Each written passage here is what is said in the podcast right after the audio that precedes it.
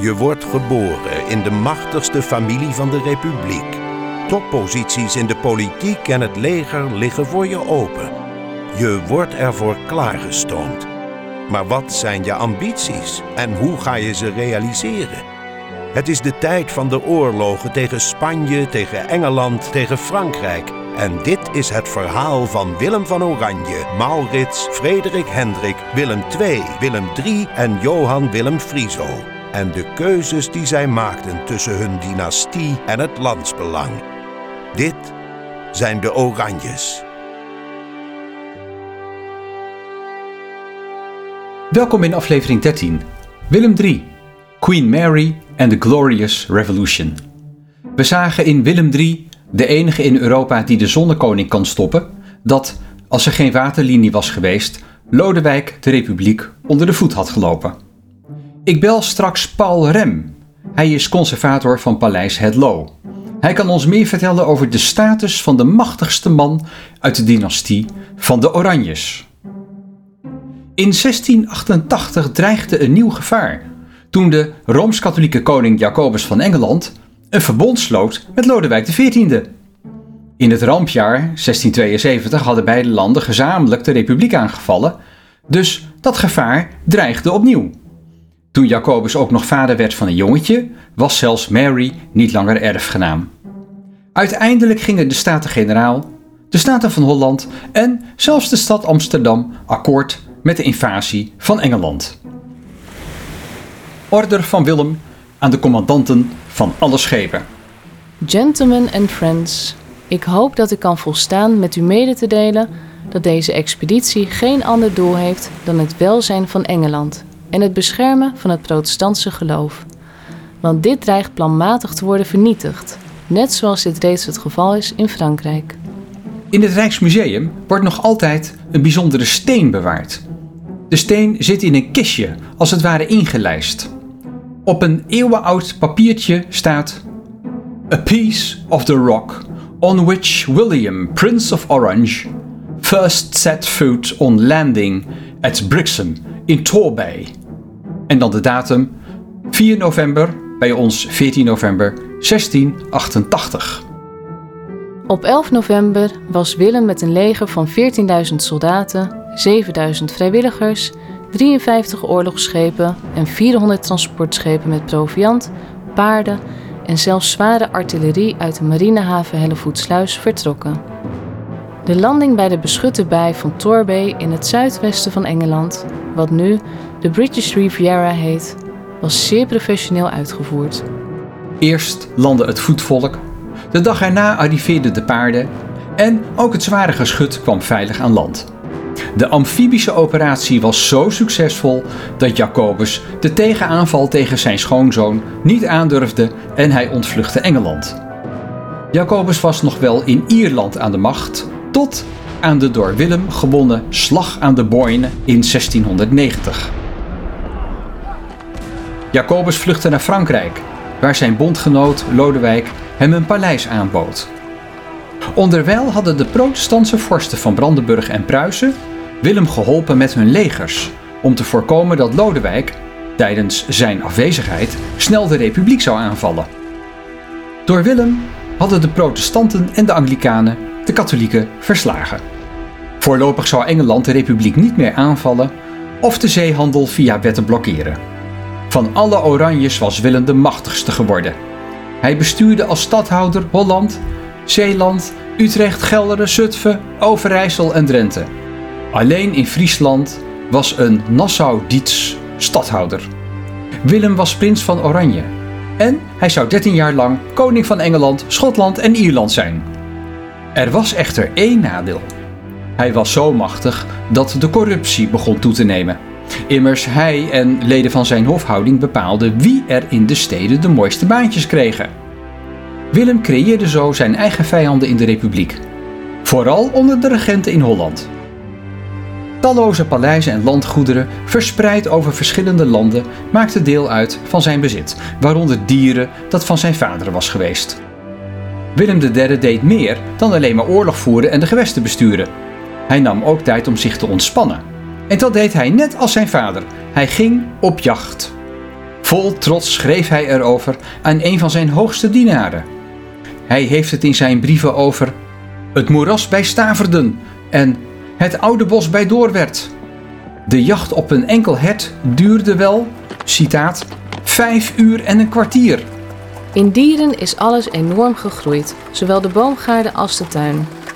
Toch zit er weinig fruit aan en zijn alle meloenen bedorven door de heftige regenval, die daar groter is dan in Holland. Eergisteren, vrijdag, hebben we gejaagd. Nadat we lang hadden gezocht, vonden we een hert bij Essop, dat via Terlet naar de Berenberg ging en toen terugkeerde naar Breulen. Vandaar vluchtte het naar Doorwerd en ging toen naar Langerhout en Assad, waar wij het doden. We keerden om tien uur s avonds terug in Dieren. Vanaf drie uur waren de honden begonnen met het hert op te jagen. Zaterdag arriveerde mijn vrouw in Dieren. Zij was zagrijnig omdat ik zondag alweer vertrok. Over de hele Veluwe legde Willem III statige, rechtlijnige lanen aan, zodat hij en zijn gevolg zich goed konden bewegen over het jachtterrein. Dit waren de koningswegen. Ze dienden ook als verbindingen tussen zijn jachthuizen. Alleen al in het Spulderbos bij Putten liet hij zes nieuwe wegen aanleggen. Dit tot ongenoegen van de landeigenaren die ineens een soort snelweg voor de deur kregen. Tijdens de jacht zat Willem de hele dag in een comfortabele door vier paarden getrokken koets, gevolgd door de koetsen van zijn gezelschap. Terwijl de mannen met de honden achter de herten aanjoegen. Ons halali klonk over berg en dal, zei een adellijke jager. Ja, ja. Het leidde tot kritiek van een dierenliefhebber. Citaat: Ik kan het heen en weer jagen van een weerloos ree dat niet weg kan en eindelijk schreeuwt van angst als de honden het levend verscheuren, geen jacht noemen. Maar is er ook nog iets beschaafds over Willem III te noemen?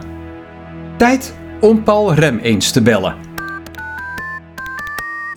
Hey Paul, met Ronald. Dag Ronald.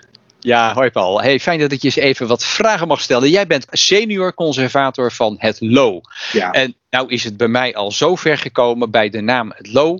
Denk Ja. ik niet aan Pieter van Vollenhoven of prinses Margriet, maar denk ik aan jou. zo erg is het al. En is ik, heel, heel erg. Heel erg. ik vind het leuk dat ik jou nou gewoon eens even lekker wat uit mag horen over dit onderwerp. Het Paleis het Lo, dat heeft alles met Willem III te maken, of niet? Ja, dat heeft alles met Willem III te maken. Het is gebouwd door Willem III en zijn Mary natuurlijk. Maar kijk, hij, hij jaagde al in dieren. Dat is het jachtslot van zijn vader, Willem II. En meneer kwam erachter dat hij ook zelf eens iets wilde bouwen. Kijk, je hebt al negen kastelen en paleizen. Maar om zelf eens iets te bouwen, dat lag hem wel. En daarom heeft Edlo alles met Willem III te maken en omgekeerd. Het ademt Willem III. En zeker na de restauratie, die ongeveer 30 jaar geleden heeft plaatsgevonden. En heel Wilhelmina, het hele witte is weggepoetst. En weer die baksteen uit de 17e eeuw teruggekomen is. En na het graven in de tuin alle barokke tuinen konden worden gereconstrueerd. Eh, als je wil weten hoe Willem III, Willem III leefde, dacht en woonde, dan, dan moet je naar het lo. Interessant, ik proef uit jouw woorden ook een beetje dat hier zeg maar een soort lang gekoesterde jongensdroom van Willem III in vervulling is gegaan. Ik denk het wel. Gelukkig is hij van jongen ook man geworden. Dat scheelde niet veel of dat was niet gebeurd, want hij is steeds ernstig ziek geweest en had erg veel last van astma. En hij merkte dat als hij in dieren was, de Veluwe zo, dat die, die lucht zo droog is. En daarom wilde hij per se iets, iets groots bouwen. Iets waar hij ook een beetje natuurlijk mee kon pronken. Want dat is het ook natuurlijk. Dat brengt mij op een volgende vraag, want er zijn natuurlijk meer oranje paleizen. Sommige bestaan nog. eh, Noordeinde, Huis ten Bosch, eh, Soesdijk was eh, toen ik jong was de place to be. Als je nou het Lo daarmee vergelijkt, zeg je dan van ja, dat, dat is 13 in een dozijn of heeft het Lo toch iets bijzonders? Nee, het Lo, het Lo is bijzonder omdat het in één keer hoppa door een oranje is gebouwd. En dat is natuurlijk ook zo met Huis ten Bosch. Maar weet je, Huis ten Bosch, dat is toch een beetje een, een Haags buitenpaleis. En het is natuurlijk dynastiek heel belangrijk, want het is het mausoleum voor de stedendwinger. En zo heeft Amalia van Soms het bedacht voor haar overleden man Frederik Hendrik. De grootouders natuurlijk van Willem III. En het Lo is zo aardig, omdat er een heel nieuw concept is gekomen. Kijk, het was helemaal nieuw voor ons om te zorgen dat in ons land, in de Republiek, in de tweede helft van de 17e eeuw, om een mooi paleis te maken. En dat het interieur daar helemaal bij hoorde. En dat die tuin er ook bij hoorde. En dat is ook wat je je voorstelt als je nu een vliegtuig neemt en je vliegt over het Loo. Dan zie je dat gebouw als een soort sieraad liggen op zo'n tapijt van geschoren hagen. Dat hoort allemaal bij elkaar. En als jij daar dan ook nog loopt als een soort acteur op het barokke podium, ja, dan merk je dat alles eigenlijk gemaakt is voor jou om dat zo te ervaren. En daarin is het Lo hartstikke nieuw en, en niet te vergelijken met iets anders. En Soestdijk, ja, dat is, je hebt gelijk Ronald, dat is het paleis van onze jeugd, om zo maar te zeggen. Het Witte Huis van Nederland. Maar uh, ja, dat was al een bestaand huis van een Amsterdamse burgemeester. En dat is geschonken aan Willem III. En daar heeft hij inderdaad veel gejaagd, maar niet zo heel bijzonder. Nee, oh, dat mag ik niet zeggen. Maar het is nu bijzonder. Dat is nu bijzonder met zijn mooie witte vleugels. Ik heb wel eens gelezen dat uh, Willem III, wat betreft uh, bouwkunst en zo, wel zijn vijand Lodewijk XIV heeft nageaapt. Dat hij onder de indruk was van Versailles. Kun je daar wat over zeggen? Jij bent misschien wel eens in Versailles geweest. Zijn er dan dingen dat je denkt, hé, hey, dat hebben wij op het Lo ook? Behalve dan de schaal natuurlijk. Valt je dan wat op? Ja, er valt me wel wat op. Namelijk, ik heb wel eens op het Versailles geslapen zelfs. Dat was, het was een groot privilege. Oh. Ik heb niet geslapen, het bed was te klein, maar eh, het was heel bijzonder. En wat je dan daar ziet, het is een beetje het verhaal van Amsterdam is het Venetië van het noorden. Ja, en nee. het is natuurlijk zo dat Versailles is zo belangrijk geweest in de 17e eeuw. Maar je kunt een paleis dat een stad is van natuursteen en goud, die de uitdrukking is van een absolute monarchie, van een, van een rooms-katholieke zonnekoning, kun je niet verwarren met een klein bakstenen jachthuis van een stadhouder die in dienst is van de staat-generaal. En je kunt het niet vergelijken, behalve natuurlijk in vorm. Maar hé, hey, we zitten in de periode van de barok. Dat heeft Versailles gelijk met het Lo en omgekeerd. Dus eh, er zijn natuurlijk vormen en er zijn natuurlijk, hè, bijvoorbeeld dat, dat is zo'n bekend ding. Kijk naar een film van Sissy en je ziet het meteen. Sissy komt eraan en al die deuren die vliegen in één keer open. En al die deuren liggen op één lijn. Het is gewoon het symbool van, nou ja, vorstelijkheid. Vorstelijker kan je het niet verzinnen. Nou, dat is toen begonnen. Dat al die deuren in één lijn liggen en al die vertrekken die elkaar overlopen. Zodat je een hele mooie statige optocht in, in zo'n paleis kan maken. En dat was ook op het loon, maar dat hing gewoon in de lucht. En daar komt natuurlijk nog even bij dat toen het loon net onder de kap was, dat het edict van Nantes werd herroepen. Dus de, de, de, de Franse protestanten mochten hun geloof niet meer uitoefenen. Nou, gelukkig was er een topvormgever aan het Hof van Versailles. En die is naar de Republiek gevlucht, omdat hij protestant was. En die klopte aan de deur van het Lo. Willem deed open. En die zei: Nou, dat klopt, ga maar je gang. En die heeft het helemaal gedecoreerd in de stijl van Versailles. Dus via een achterdeur, of nou, liever toch de voordeur, is die stijl van Versailles tot ons gekomen. En dat is wel heel bijzonder aan het Lau. Wat een bijzonder verhaal, zeg. Die Willem III heeft natuurlijk een ontzettend druk leven gehad. Als je ziet waar hij allemaal stadhouder was en prins van Oranje. En dan geloof ik ook nog 17 jaar lang eh, koning van Engeland. Hij had natuurlijk hartstikke druk. Kan die eigenlijk wel op het low? Hij kwam op het Lo, dat is namelijk omdat hij zo ongelooflijk bijkwam van jagen. En ze konden hem echt niet bijhouden, de heren uit zijn gevolgen. Hij draafde, hij draafde, hij draafde, maar constant uh, bebloede broeken vanwege de aanbijen. Omdat hij altijd te paard was, dagen achter elkaar. Het was krankzinnig. Achter een hert aan wat niet wilde. En maar draven, en maar draven, en maar draven over die Veluwe die toen niet beborst was. Waar een zandvlakte was. Hij kwam heel graag op het loon. Maar het mooiste was, hij had natuurlijk allerlei tricky spelletjes. want hoe krijg je het zover dat jij je schoonvader in Londen van de troon wilt stoten? Nou, als je dat in Den Haag doet, als Willem de derde, waar overal Franse spionnen zijn, dat kan je niet hebben. Dus juist dat idee van, oh, de stadhouder is aan het jagen, er is niks aan de hand. Nee, op het Lo, juist op dat verre Lo, uit de luwte, weg van de residentie, weg van het gekonkel, kon hij zijn plannen uitbroeden, maar kon hij ook belangrijke vorsten en informanten ontvangen zonder dat iemand dat door had. En dat is wel de kracht, denk ik, van het Lo. Dat hij daar in dat, in dat beetje Engelse paleis in de Republiek goed zijn gang kon gaan en niet even de stadhouder in Den Haag was. Hm, dus je wekt nu de indruk alsof de Glorious Revolution hè, min of meer ook op het low is voorbereid. Of gaat dat te ver? Lieve vriend, ik claim dit gewoon. Waarom niet? Waarom, maar waarom niet? Hij kon dat in feite alleen maar op het lood doen. Misschien wel al jagende. In, nogmaals, in de luwte. Niemand die door had wat er speelde. Hij had natuurlijk ontzettend veel te maken met protestantse vorsten uit het Duitse. Nou, uh, sorry, dat is twee uurtjes rijden met een rijtuig dat flink uh, gaat jagen. Over de wegen. Hij kon op die manier gewoon uh, dat heel goed doen. De leden van de grote alliantie tegen Lodewijk, ja, je hebt helemaal gelijk, die, die woonden om de hoek. Ja, ja. Ik wil even een privévraag stellen over, over Willem. Het is natuurlijk toch de eeuw van muziek en literatuur en schilderijen. Was Willem een kunstliefhebber of was het toch meer iemand die achter de herten aan zat? Nou, het was absoluut een man die alleen maar achter de herten aan wilde. Een man die in het gezelschap altijd maar verkeerde van mannen. Het was een militair bij uitstek, geen ouders. Meteen gekaapt door uh, ja, mannelijke bestuurders en dergelijke. Nou, daar valt meestal niet om te lachen. Maar toch, die kunst, die, die vrolijkheid die het leven krijgt dan opeens door kunst, speelde een hele grote rol. Het was een groot kunstliefhebber. Niet alleen omdat een vorst nu eenmaal moet getuigen van een goede smaak door een kunstcollectie op te bouwen van namen die Europees vermaard is. Al die vorsten beconcurreerden elkaar met, met kunst. Maar als je kijkt naar de dagboeken van de secretaris van Willem III, Constantijn Huygens, dan zie je dat hij constant bezig is met die schilderijen. Verhangen, nog eens een keer verhangen, aankopen, nog eens een keer verhangen. Nee, zo hangt het mooier. Uh, Mary erbij, nou, wand weer leeg, opnieuw ophangen. En, en dan zie je toch dat dat meer is dan alleen een plaatje aan de muur of een obligaat collectie-item. Hij, hij hield ervan. Nou, wat bijzonder. Ik las ergens nog toneel, nog muziek hadden zijn belangstelling. Hij had alleen belangstelling voor onmiddellijke dingen. En dan onmiddellijke tussen aanhalingstekens.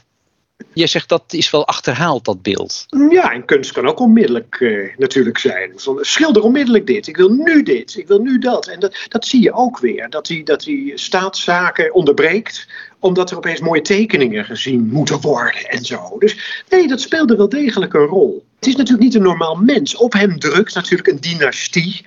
De absolute druk om te presteren. Denk ook eens aan het feit dat hij natuurlijk kinderen had moeten voortbrengen. Nou, Willem en Mary die hadden een begin wat moeilijk huwelijk, maar dat ging al beter. Ze hebben elkaar ontzettend goed leren respecteren. Maar dat kind, ondanks zwangerschappen, kwam er maar niet. En dat is natuurlijk ook een druk. Kun je je in zo iemand verplaatsen? Ik vind het altijd moeilijk. Maar wat ik en dat heeft absoluut te maken met uh, beroepsdeformatie. Ik ben er wel sympathiek gaan. En zeker ook als je van kunst houdt, ah, dan ben je gewoon een goed mens.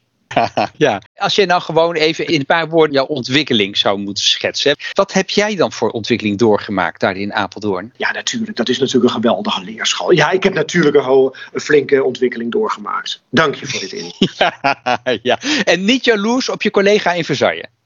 Nee, maar als ik natuurlijk werkloos raak over een paar jaar, eh, bijvoorbeeld, nou, dan denk ik dat het heel moeilijk zal zijn om in Nederland een gelijkwaardige baan te vinden. waar ik zo verwend ben met, met, met geschiedenis, de schaal, de rijkdom. Nee hoor, eh, Ronald, dan wordt het het. Paul, heel hartelijk dank voor je tijd, voor je antwoorden. Erg inspirerend. Het gaat je goed, tot ziens. Dank voor je belletje. Dag Ronald. Dag. Een laatste woord en wel over William en Mary van de vrouw, die hij uit louter dynastieke overwegingen en als middel tot doel voor zijn plannen had getrouwd, ging hij in de loop der tijd steeds meer houden. Van Willem wordt wel gezegd dat hij er een enkele affaire op nahield, namelijk met hofdame Elisabeth de Villiers, maar die was waarschijnlijk helemaal niet seksueel van aard. Het ging hier om een vrolijke en slimme vrouw die overigens buitengewoon lelijk was. Alles wat Willem wilde, lukte hem. Toch, er was één ding dat een schaduw over hun huwelijksleven wierp, en dat was het uitblijven van een troonopvolger. Sinds 1677 had Mary drie keer een miskraam gehad. Waar bleef nu toch de nieuwe prins van Oranje? Waar bleef de toekomstige koning van Engeland? Daarover gaat het in aflevering 14. Willem III, het einde van de dynastie.